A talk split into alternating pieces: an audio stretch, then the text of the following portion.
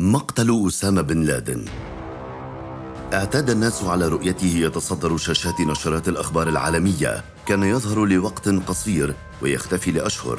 يظهر يهدد ينفذ ويذوب بين الجبال. بقي اسمه الأول في كل قوائم المطلوبين الدوليين في العالم. وعرف على أنه الإرهابي الأول والأخطر على وجه الأرض إلى أن لقي حتفه. كيف قضى أسامة بن لادن؟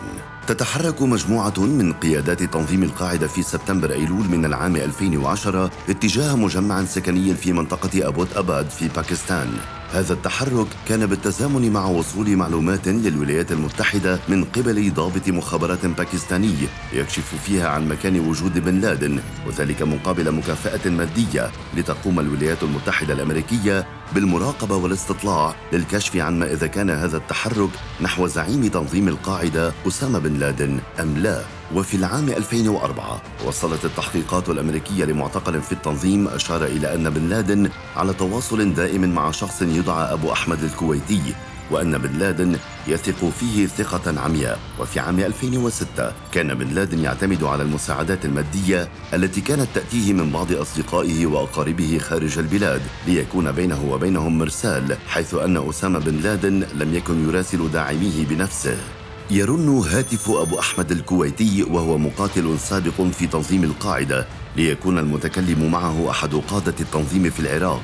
لكن الكويتي لم يكن يدرك أن هاتف محدثه مراقب من قبل الاستخبارات الأمريكية. كان الكويتي قد فر برفقة مجاهد مغربي يدعى عبد الرحمن ومعه مجاهد يدعى حمزة الغامدي ليكون الثلاثة هم الدائرة الصغرى التي بقيت حول بن لادن بعد وصوله لباكستان. وبعد المراقبة المكثفة من قبل الاستخبارات الأمريكية توصلوا إلى أبو أحمد الكويتي الذي كان يقود سيارة بيضاء اللون لتتم مراقبة تحركات السيارة لعدة أشهر. وتصل المخابرات الأمريكية لموقع أسامة بن لادن في مجمع سكني في أبوت أباد بعد وصول هذه المعلومات للولايات المتحدة لم يكن المحللون الاستخباراتيون قد تأكدوا بالفعل من وجود أسامة بن لادن في هذا المجمع السكني حيث أن نسبة وجوده هناك كانت بين 70 ل 80% وعلى الرغم من ذلك كان رئيس مركز الاستخبارات الأمريكية ليون بانيتا متأكدا من أن هذه العملية ستحظى بتأييد الرأي العام الأمريكي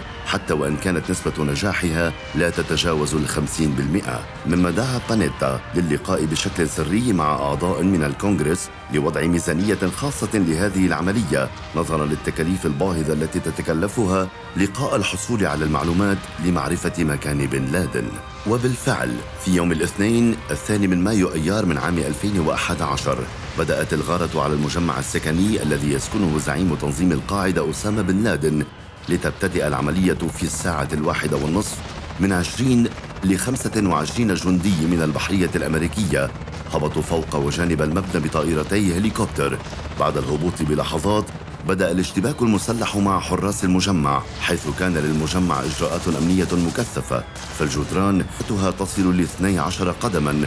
في ظل وجود الكثير من العناصر المسلحة بأسلحة خفيفة ومتوسطة الأمر الذي أدى إلى انفجار واحتراق إحدى الطائرتين. تقتحم القوات المهاجمة المكان وتبدأ بتمشيط المبنى طابقا تلو الآخر ليتم الاشتباك في الطابق الأول مع ثلاثة أشخاص كانوا من مرافقي بن لادن الشخصيين والذين قتلوا على الفور. كما أن امرأة راشدة كانت قد قتلت في الاقتحام ذلك لأن أحد الأشخاص استخدمها كدرع بشري لتتم القوات المهاجمة التمشيط وصولا للطابق الثالث حيث تم العثور على بن لادن لتستمر المعركة بهذا للرابعة صباحا. ويتم قتل أسامة بن لادن كما ألقي القبض على بعض قاطني المبنى وتتحفظ القوات المهاجمة على جثة بن لادن. ليعلن الرئيس الأمريكي باراك أوباما من البيت الأبيض مقتل زعيم تنظيم القاعدة أسامة بن لادن على الهواء مباشرة.